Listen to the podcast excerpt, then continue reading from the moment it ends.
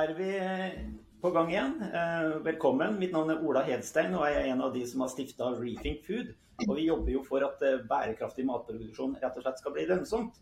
Eh, og da har vi noen sendinger Da har vi noen faste sendinger i, i uka hvor vi snakker med ulike eksperter, som vi liker å kalle dem, for å få belyst hva egentlig bærekraft er, hva er et matsystem, hva er det gærent med det, hvordan kan det bli bedre. Eh, og synker ned i noen nerdeområder. Og så tar vi det generelle blikket. Og i dag er vi litt på det generelle blikket, for vi har fått med oss eh, generalsekretæren i FN-sambandet, Katarina Bu. Velkommen skal du være. Tusen takk for det, Ola. Veldig hyggelig å få være med. Dere har jo Jeg, jeg oppfatter dere litt som FNs forlenga arm i, i Norge. Eh, og har da sikkert mange meninger om hvordan arbeidet med bærekraftsmålene hvordan det går. Eh, men før vi går dit, eh, Katarina, kan du si litt om deg selv og dette FN-sambandet, hva det er? Kanskje det ikke er en forlenget arm? Det skal beskrives på en annen måte? Ja, jeg kan begynne med meg sjøl. Jeg er 38 eh, år, mor til to, og bor i Oslo. Opprinnelig fra Re i Vestfold, men bodd i Oslo i snart 18 år. Og så har jeg da vært generalsekretær i FN-sambandet siden eh, september 2022. Og FN-sambandet, mm, vi er ikke egentlig en forlenga arm, nei. Eh, for vi er ikke en FN-organisasjon, eller vi er, vi er, uavhengig av FN. Eh, selv om det kanskje ikke høres helt sånn ut. Og det betyr at vi er en sivilsamfunnsorganisasjon, en, en NGO. Um, og så er vi medlem av det som heter World Federation of United Nations Associations uh, ved FUNA, som er et internasjonalt nettverk bestående av andre FN-forbund uh, i mange land. Um, og vår hovedoppgave er å informere om FN og FNs arbeid. Det har vi gjort helt siden 1946, da vi ble etablert. Så FN ble etablert i 1945. og Kort tid etterpå da, så var det noen kloke hoder eh, i eh, flere organisasjoner i Norge, bl.a. Eh, LO og andre, som så på et behov for å ha en organisasjon som bringer informasjon om hva FN er til den norske befolkningen. Så vi er en medlemsstyrt organisasjon. Vi har 50 medlemsorganisasjoner. LO, NHO, en rekke arbeidslivsorganisasjoner og mange ulike sivilsamfunnsorganisasjoner av varierende størrelse. Og så mottar vi finansiell støtte fra Utenriksdepartementet primært, um, og er rundt 30 ansatte fordelt på kontorer i Tromsø, Trondheim, Bergen, Stavanger, Kristiansand og i Oslo. Da lærte jeg mye med en gang, som jeg sikkert burde ha kunnet, men eh, det gjorde jeg ikke. Så da er FN-sambandet en medlemsorganisasjon, men på mange måter da liksom anerkjent eller tatt inn i det gode selskapet med FN internasjonalt, i likhet med, med mange andre. Ja, det er pleier å si at det er en eh, kritisk, eh, kritisk, venn av FN, kritisk støttespiller. og vi samarbeider selvfølgelig veldig tett med FN. Og um, denne World Federation of United Nations har kontorer også i uh, FN-byggene i New York og Genéve og andre steder. Så um, vi er jo selvfølgelig tett på, og, og samarbeider også selvfølgelig med de uh, FN-organisasjonene som har kontorer i Norge og Norden uh, tette. Hmm. Men da hopper vi rett inn i tematikken, og da må vi vel starte med eh, bærekraftsmålene. Eh, det er jo 17 av de som jeg tror veldig mange nå har, eh, har fått med seg, med disse kulene som er eh, Eller klossene som er eh, eh, overalt. men det er jo mange undermål og slike ting også. Men strengt tatt, det, det som, som, jeg ofte får inntrykk av i ordskiftet og sånne ting, er at bærekraftsmålene også blir oppfatta som klimaavtalen. Altså, det, det, er det det dreier seg om. Eh, hva, hva, hvordan vil du beskrive disse bærekraftsmålene, og, og hvorfor har vi fått de? Altså, Gro Harlem Brundtland laga jo dette bærekraftsbegrepet i 88 eller et eller annet sånt, det er jo lenge siden. Men de 17 mm. bærekraftsmålene, hva, hvorfor dukka de opp? Og hvordan i all verden skal vi nå de før 2030? Ja, det, det er mange store spørsmål. Um, Altså først, FNs bærekraftsmål er på en måte verdens felles arbeidsplan for å møte de største utfordringene eh, vi som verdenssamfunn står overfor. Så det er å utrydde fattigdom, bekjempe ulikhet og som du sier, stoppe klimaendringene. Eh, og planen kommer på plass i 2015, og så er målet å nå disse målene innen 2030. Og så er det 17 mål og 169 delmål. Og før vi fikk eh, bærekraftsmålene, så hadde vi noe som het tusenårsmålene fra 2000 til 2015. Eh, og de eh, førte jo til fantastisk fremgang på en rekke områder, eh, bl.a. utdanning og helse. Men de ble også kritisert for å på en måte bare adressere symptomene på fattigdom. Eh, mens bærekraftsmålene skal jo gjøre noe med årsakene til fattigdom, ulikhet og klimaendringer. Og der tusenårsmålene eh, på en måte bare gjaldt utviklingslandene, de fattige landene, så gjelder bærekraftsmålene for alle land. Det er jo også ganske unikt. Um, og tusenårsmålene var viktige, de bidro til masse positivt. Men de var jo også en slags uh, uttrykk for en litt sånn gammeldags uh, måte å se verden på. At det på en måte bare er utviklingslandene som trenger å utvikle seg, og at rike land uh, hjelper dem. Um, mens bærekraftsmålene angår alle land. uh, og alle land må rapportere på dem. og så ble de laget på en eh, veldig mye mer demokratisk måte enn det tusenårsmålene eh, ble gjort, ved at alle land ga innspill. og også veldig mange mennesker, jeg tror det var nesten ti millioner mennesker som fikk sagt sin mening til hva dette skulle være. og et av hovedprinsippene i bærekraftsmålene er jo at ingen skal utelates, dette 'leave no one behind'-prinsippet. Eh, og Derfor er det fokus også på de ekstra sårbare menneskene i verden. Eh, det er mennesker med nedsatt funksjonsevne, eh, flyktninger, etniske og religiøse minoriteter, eller som er veldig dagsaktuelt nå, urfolks rettigheter også. Så det er jo et bredt, stort rammeverk, og så er det jo ikke en juridisk bindende avtale, sånn som veldig mye andre av FNs avtaler er. Men det er mer liksom som en dugnad, der alle må bidra. Uh, landene, men også næringslivet, sivilsamfunn. Uh, du og jeg, uh, ikke sant? dere som har barn i skolen. alle lærer om bærekraftsmålene. Og det er det som er flott er at skal vi løse en del av disse store utfordringene verden står overfor, så må vi gjøre det i det små. Og det er jo en forslitt Eh, begrep og et forslitt eh, liksom, klisjé, men eh, det er noe med dette begrepet som jeg vet at landbruksnæringen kjenner til godt, og det er liksom tenke globalt og handle lokalt. Og det er på en måte kjernen i mye av det bærekraftsmålene betyr, da. Ja, for en må jo si at selv om det ikke er juridisk forpliktende sånn internasjonalt, så har det jo blitt kanskje mer forpliktende enn mye annet ved at så mange land og både myndigheter og næringsliv og, eh, og eh, organisasjoner har eh, liksom satt seg sine egne mål på, på bærekraft. Så det, mm. det, er i så fall en god oppslutning om denne dugnaden. da. Absolutt, og det er jo helt fantastisk. FN-sambandet var jo med fra før 2015 og brukte liksom i årene etter 2015 til å bruke mye tid på å reise rundt uh, i hele landet og informere om hva disse målene er. Og nå uh, er de jo, eies de av alle. Uh, det er nesten ikke en bedrift med respekt for seg selv som ikke har et forhold til bærekraftsmålene um, og liksom finner hvordan bærekraftsmålene, hva det betyr for den enkelte bedrift. At det er ikke bare noe man skal Eh, bidra med av midler og støtte opp om, men det faktisk angår eh, kjernen til veldig mange ulike bedrifter, uansett hva de jobber med og hvilke mål som eh, angår en, ens bedrift. Da. Så det er jo helt fantastisk. De har virkelig fått oppslutning. Og så er det jo, som du var innom, Eh, slik at dessverre, eh, fra det gikk liksom veldig positivt med mye i verden eh, fra 2015, eller fra årene før og til 2018-2019, og så så vi liksom faktisk før pandemien at det begynte å gå litt eh, dårlig på flere av disse målene. Mm. Og så har jo pandemien og eh, i etterkant av det krigen i Ukraina ført til at dessverre går eh, i negativ retning på veldig mange av målene. Um, og det er jo forferdelig trist og beklagelig, men det, ikke, det betyr jo ikke at man ikke skal uh, fortsatt ha de som et mål, uh, og noe man skal jobbe for å, å få til. Um, men det er sånn at det faktisk uh, går nå i ganske dårlig vei, da, på, spesielt i de fattigste landene i verden. Ja, Det er jo ikke noe, noe, bra, selvfølgelig. og Det er vel mange som kan bli frustrert over hvordan verden går om, om dagen. Det ser jo du føler jo et sånn kaldt eh, gufsi fra 80-tallet og kald krig og delt eh, global verden. Men eh, la oss ikke gå i det sporet og bli pessimister, eh, selv om det er eh, vanskelig. For det er jo som du sier, at eh, man kan jo ikke gi opp. Og, og, jeg har lyst til å vende litt tilbake til, til noe du sa om tusenårsmålene.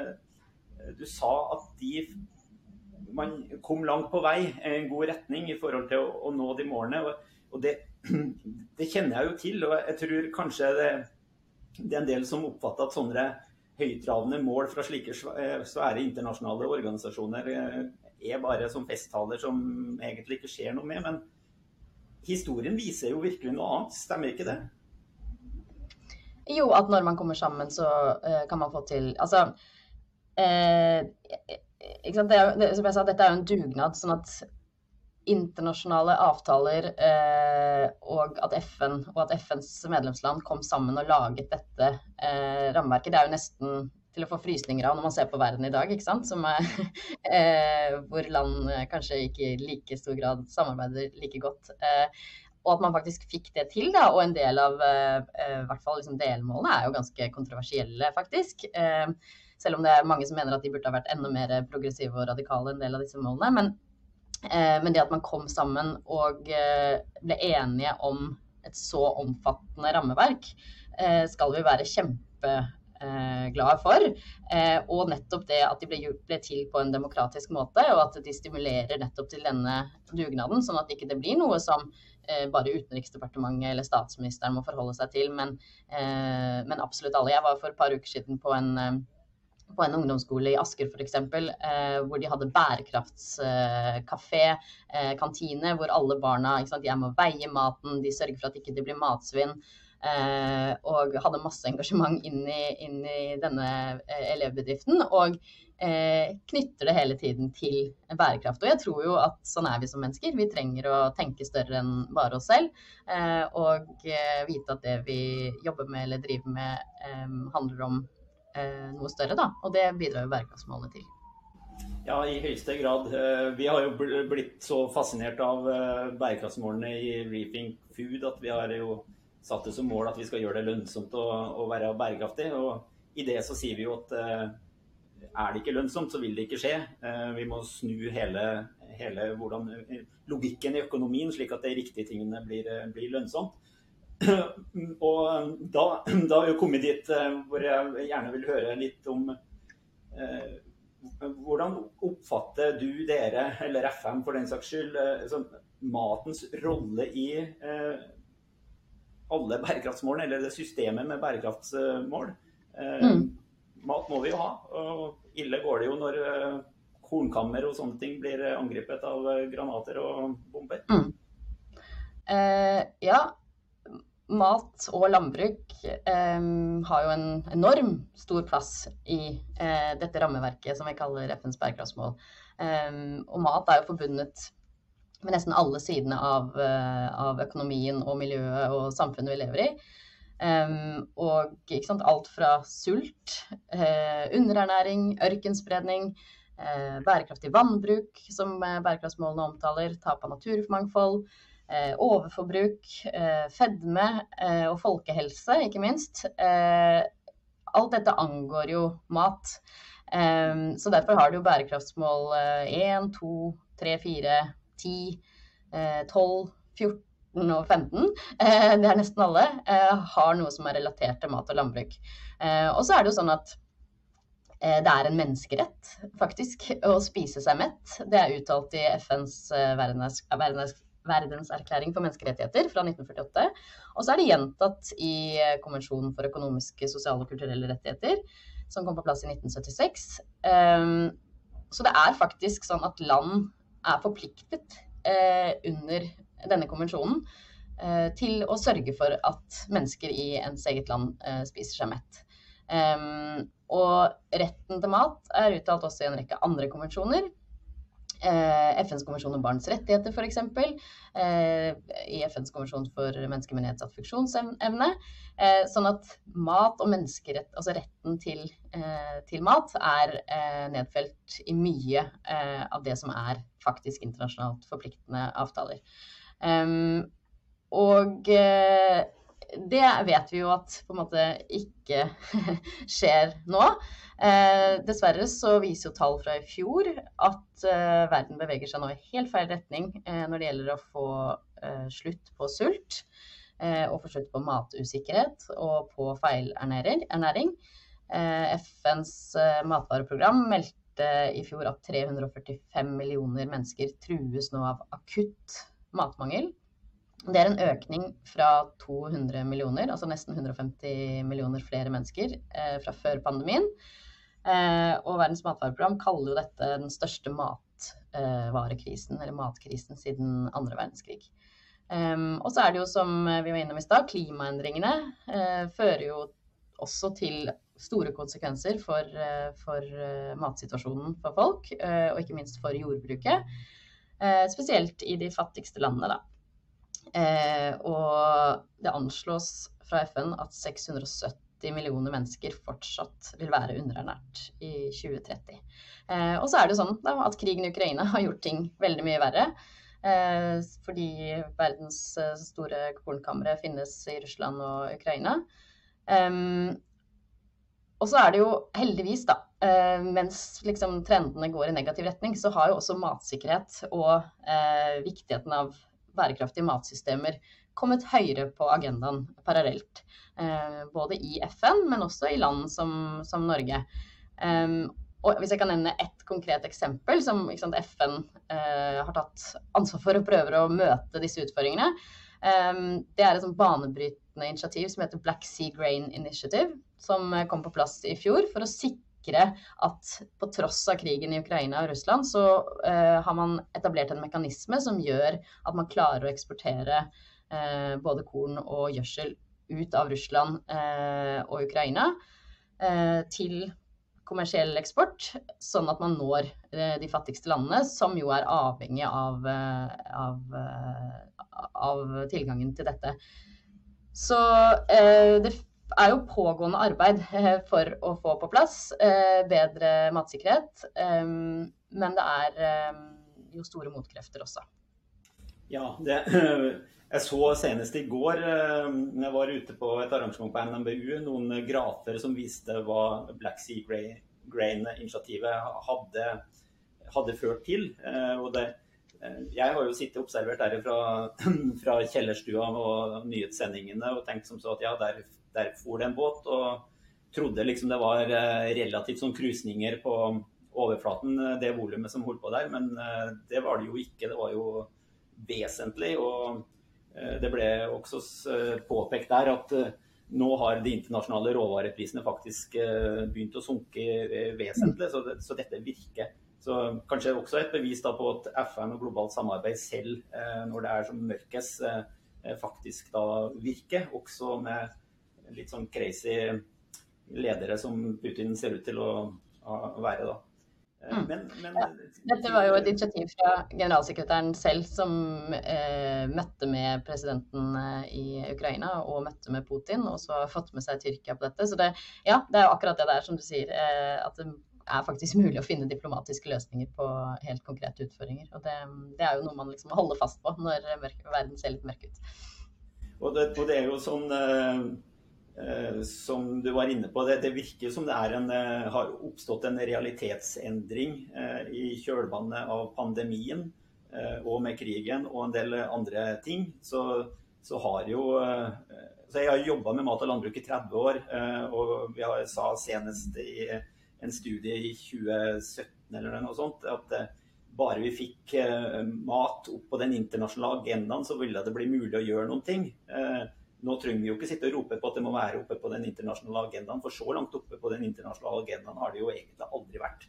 Eh, så grunnlaget for å gjøre noe med matsystemet eh, er jo der. Eh, men, men i det så sier jeg jo hører jeg jo at du peker veldig tydelig på retten til mat, matsuverenitet, matsikkerhet, en del sånne elementer som, som kjernen her. og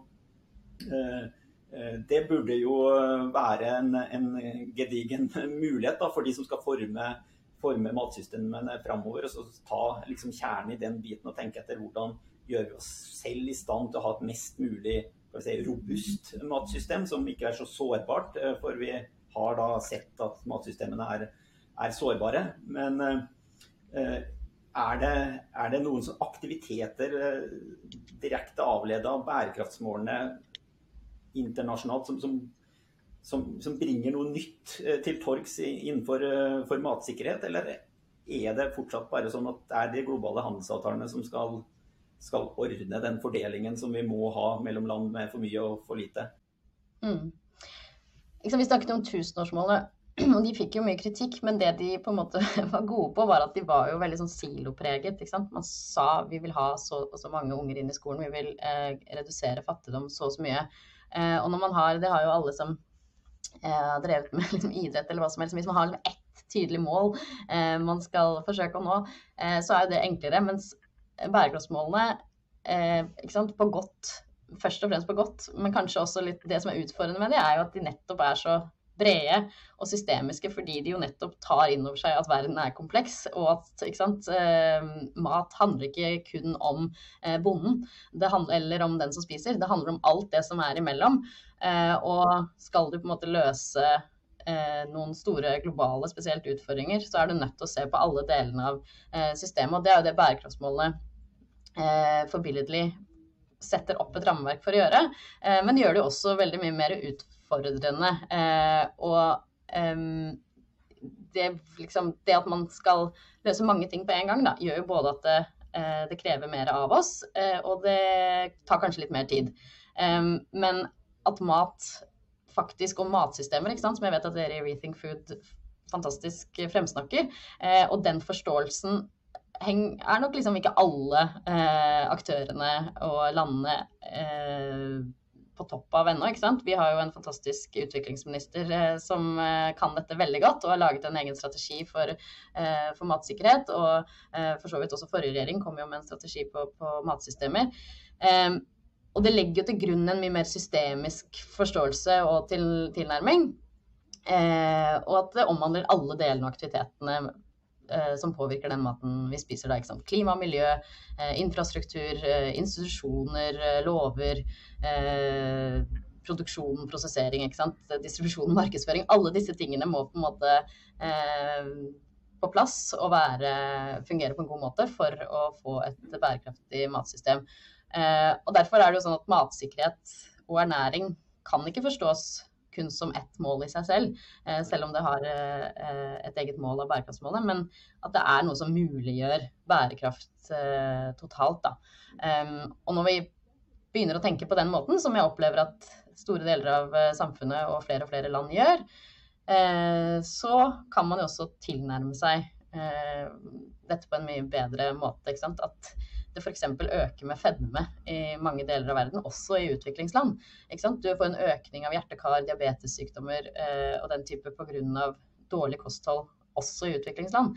Eh, da kan du ikke ha en sånn én måte å forstå og tenke at alle i et afrikansk land f.eks. Eh, lider av sult. Eh, du må forstå dette fra flere vinkler, da, eh, og hvordan matsystemene da påvirkes av ja, f.eks. markedsføring eller eh, dårlig prosessering osv. Ja, det Vel, jeg liker jo alt det du sier, for det stemmer jo godt med den inngangen som, som, som, som vi har på det. og det, det skjer jo uh, mye. Nå er jo ikke formålet med disse podkastene å rette kritikk til den ene og andre retningen, men jeg blir jo litt sånn imponert når, når EU pakker farm to fork-strategiene inn som en sånn vesentlig del av deres vekststrategi for et grønt skifte, og det er Green Deal. Eh, så, så, får jeg jo trua på at eh, systemendringer går an. For det, det er overbevisende det de har sparka i gang. Og så gjenstår det å se hvor mye de, de får til. Uh, og så syns jeg jo det Jeg har i hvert fall satt det i andre sammenhenger at jeg syns aktiviteten fra norske politikere på tilsvarende grep er litt sånn lunken. Er vi, er vi litt bakpå, ikke bare på mat, da, men altså norske myndigheter og, og systemendringer jeg skal ikke gi deg noen karakter, men eh, har du noen refleksjoner rundt deg hvis jeg skal friste deg utpå? Ja, nå jobber jeg ikke i EU-sambandet, men i FN-sambandet, så jeg vet ikke hvor mye jeg skal mene om, om EU. Men, eh, men, det er jo Altså, fra mitt ståsted, eh, som kjenner bistand- og utviklingspolitikken best, da, ikke norsk landbrukspolitikk eh, eh, så godt, det tror jeg skal vokte meg for å mene veldig mye om.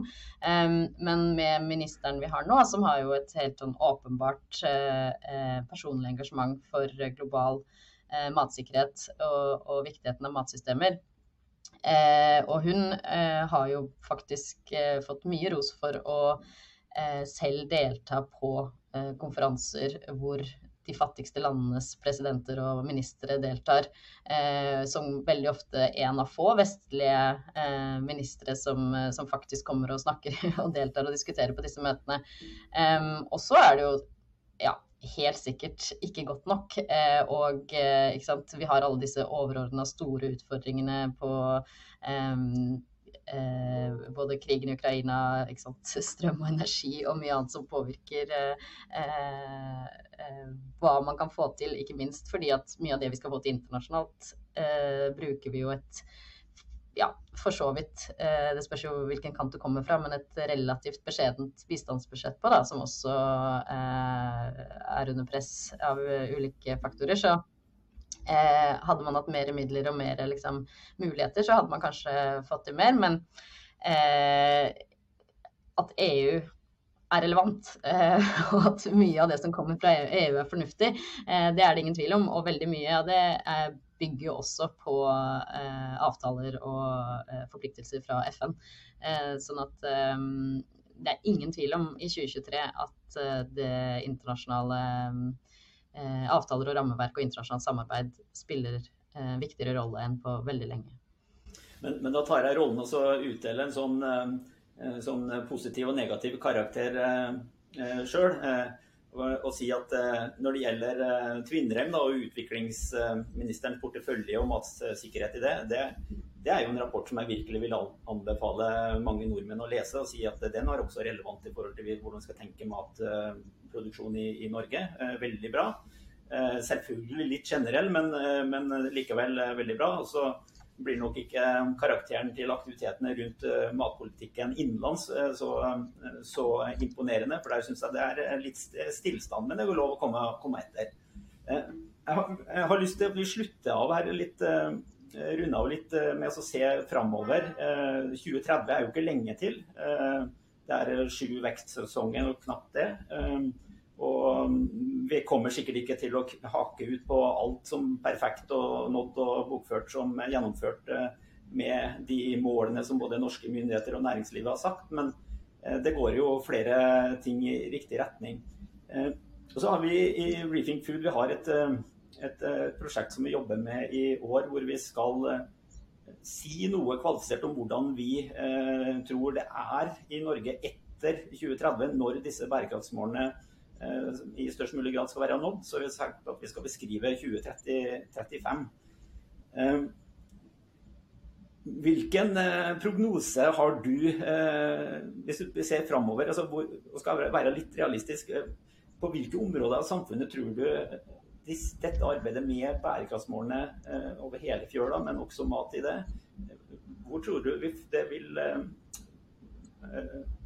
på, på, på, hvilken måte tror du det vil gjøre endringer med det, det norske samfunnet som, som, er annerledes, hvis vi ser, litt, ser liksom ti år fram i tid, og prøver å både være optimist, men litt realist? da? Mm. Eh, ja, FN-sambandet jobber jo med barn og unge som hovedmålgruppe. Eh, så vi er veldig opptatt av å være optimister og vise at det nytter å, å, bidra og engasjere seg, og at det er håp. Eh, det er det jo. Og håpet ligger jo i alle de enkeltmenneskene og enkeltbedriftene og enkeltorganisasjonene som skjønner at det er ikke noe vei utenom. det er denne veien vi må gå for å få en mer bærekraftig verden. Uh, ikke sant? Oljefondet til og med har jo skjønt dette uh, og investerer uh, i stadig større grad i bærekraftige og klimavennlige bedrifter og industri. Sånn at um, jeg håper og tror at enda flere av det norske samfunnet i ulike sektorer både bruker bærekraftsmålene, rapporterer på de og ser på de som en direkte Eh, og sentral, viktig del av deres eh, både, som du var innom, økonomiske eh, eller måte å faktisk tjene penger på. At det er ikke noe vei utenom. Men at det selvfølgelig også bidrar til, til mer bærekraft. Men så er jo det slik at det globale bildet akkurat nå er ganske mørkt. Og i mange land så går det i dramatisk negativ retning. Eh, ikke bare på mat, men på, på fattigdom og ulikhet. Eh, Fattigdommen øker nå for første gang på, på veldig veldig lenge. altså Mennesker i antall i absolutt fattigdom. Og ulikhetene øker innad i land, og det øker mellom de rikeste og de fattigste menneskene i verden. Og det øker også nå for første gang på veldig lenge mellom land. Altså Pandemien har gjort at liksom, de rikeste landene er nå lenger unna de fattigste, fattigste landene. Um, og skal vi løse en del av disse globale store problemene samtidig som vi bidrar til bærekraft eh, her hjemme. Og bærekraft da på alle måter. Alt fra klima, eh, produksjon, eh, alt som påvirker oss. Så er vi nødt til å ta radikale grep her hjemme, det er det ingen tvil om. Eh, samtidig som vi har eh, blikket utover. Eh, og bidrar både gjennom bistand, selvfølgelig. Bistanden er viktigere enn på lenge, nettopp fordi at den bidrar til så mye i en del av de fattige, fattige landene. Ehm, men også selvfølgelig globale handelsavtaler, ehm, klimaavtaler, eh, naturvernavtaler, eh, og at FN eh, faktisk er og forblir et, et sted hvor, hvor, alle verdens land møtes og diskuterer og blir enige om disse store utfordringene, på alt fra fred og sikkerhet til demokrati til andre ting, det er en nøkkel og spesielt viktig, spesielt når vi ser at eh, demokratiet er under press i veldig mange land. Um, så jeg er forsiktig optimist. Um, hvis ikke så hadde jeg ikke klart å sove om natten. Uh, det må man på en måte være når man uh, jobber med disse tingene. Um, men jeg er først og fremst optimist fordi jeg har trua på at det fins eh, det gode i folk, da. Eh, hvis man ser på de som eh, nå står opp for, for samers rettigheter og urfolks rettigheter, og hvilken forståelse det vekker for både menneskerettigheter og naturvern og, og klimaarbeidet også. For dette er jo komplekst og vanskelig, og løsningen sier seg ikke sånn åpenbart seg selv. Det er um, liksom mange av de konfliktene vi kommer til å stå i fremover, da, kommer til å være uh, i kjernepunktet av en rekke utfordringer. Og de er nødt til å møtes med kløkt og klokhet og kunnskap, ikke minst. Eh, men også samarbeid og, og samsnakking eh, på tvers av sektorer og, og land osv. Og um, vi har som verdenssamfunn alltid klart å finne løsninger eh, på det som møter oss, og det tror jeg vi skal gjøre nå også. Eh, og så kommer vi nok ikke eh, til å nå alle 17 bærekraftsmålene innen 2030.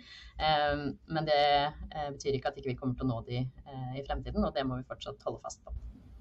Kan det, er det riktig å si noe sånt som at når vi får så mye si, ufred og ustabilitet globalt som vi har, har fått med flere ting, da, men særlig toppa med krigen, at det fører til at behovet for å få FN til å virke blir viktigere for flere, sånn at det, det fungerer også som en kraft inn i FNs eh, mandat og, og handlingsrom.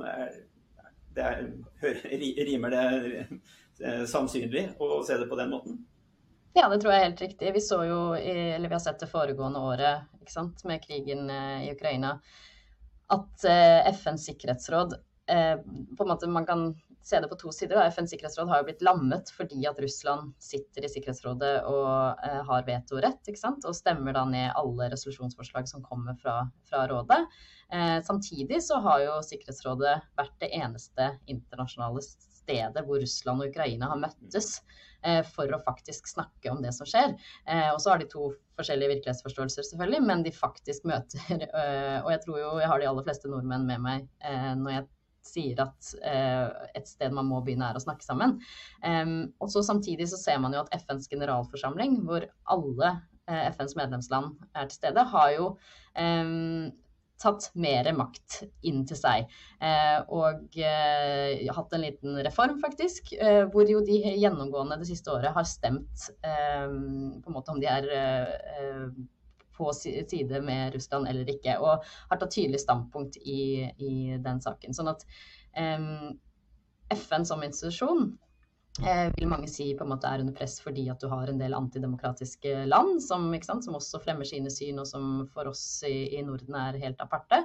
Um, men eh, samtidig så er det eh, en uh, ved siden av sant, EU, Nato, OECD, alle andre internasjonale organisasjoner, den eneste hele globale organisasjonen hvor alle land møtes. Og hvis man er med på at det er lurt i et demokratisk samfunn og i et demokratisk verden at vi har et sted, så er det ingen vei utenom. og Norge og Norden har jo som, eh, som demokratisk eh, velfungerende land kanskje et ekstra ansvar for å ivareta og sørge for at FN eh, fortsetter å være den kraften i verden. Og det, det tror jeg kanskje noen har glemt litt, da, hvor viktig det er. Så det er jo um, ingen tvil om at FN vil spille en viktig rolle i årene framover. Veldig gode og interessante refleksjoner, Katrine. Jeg tar med meg at bærekraftsmålen, de 17 alle delmål. Eh, veldig mange av de handler om mat, og det handler veldig mye om folk og mat. Eh, og det er eh, vanskelig, og piler peker nedover, men det er fullt mulig å få verden til å samarbeide. Og ferske erfaringer viser at når vi trer sammen, så, så får vi til det, det utroligste. med da Black Sea Grain-eksempelet, som fikk ut korn fra Ukraina til tross for blokade.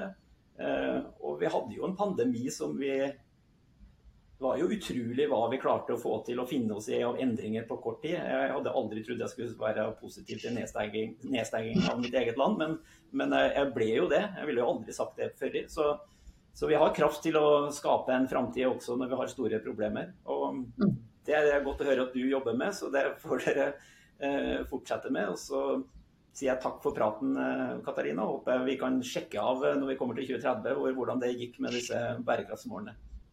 Vi får ta en ny prat eh, da, Ola. Tusen takk for at jeg fikk møte dere i Rethink Food, og lykke til med arbeidet deres. Tusen takk. Og til dere som har hørt på. Eh, går, eh, du ser oss kanskje nå live, men husk på, del, vi, eh, del den sendingen. Og få med dere at vi kommer hver tirsdag med en podkast på de vanlige podkaststedene. Så der kan du også høre dette opptaket i ettertid. Ha det godt.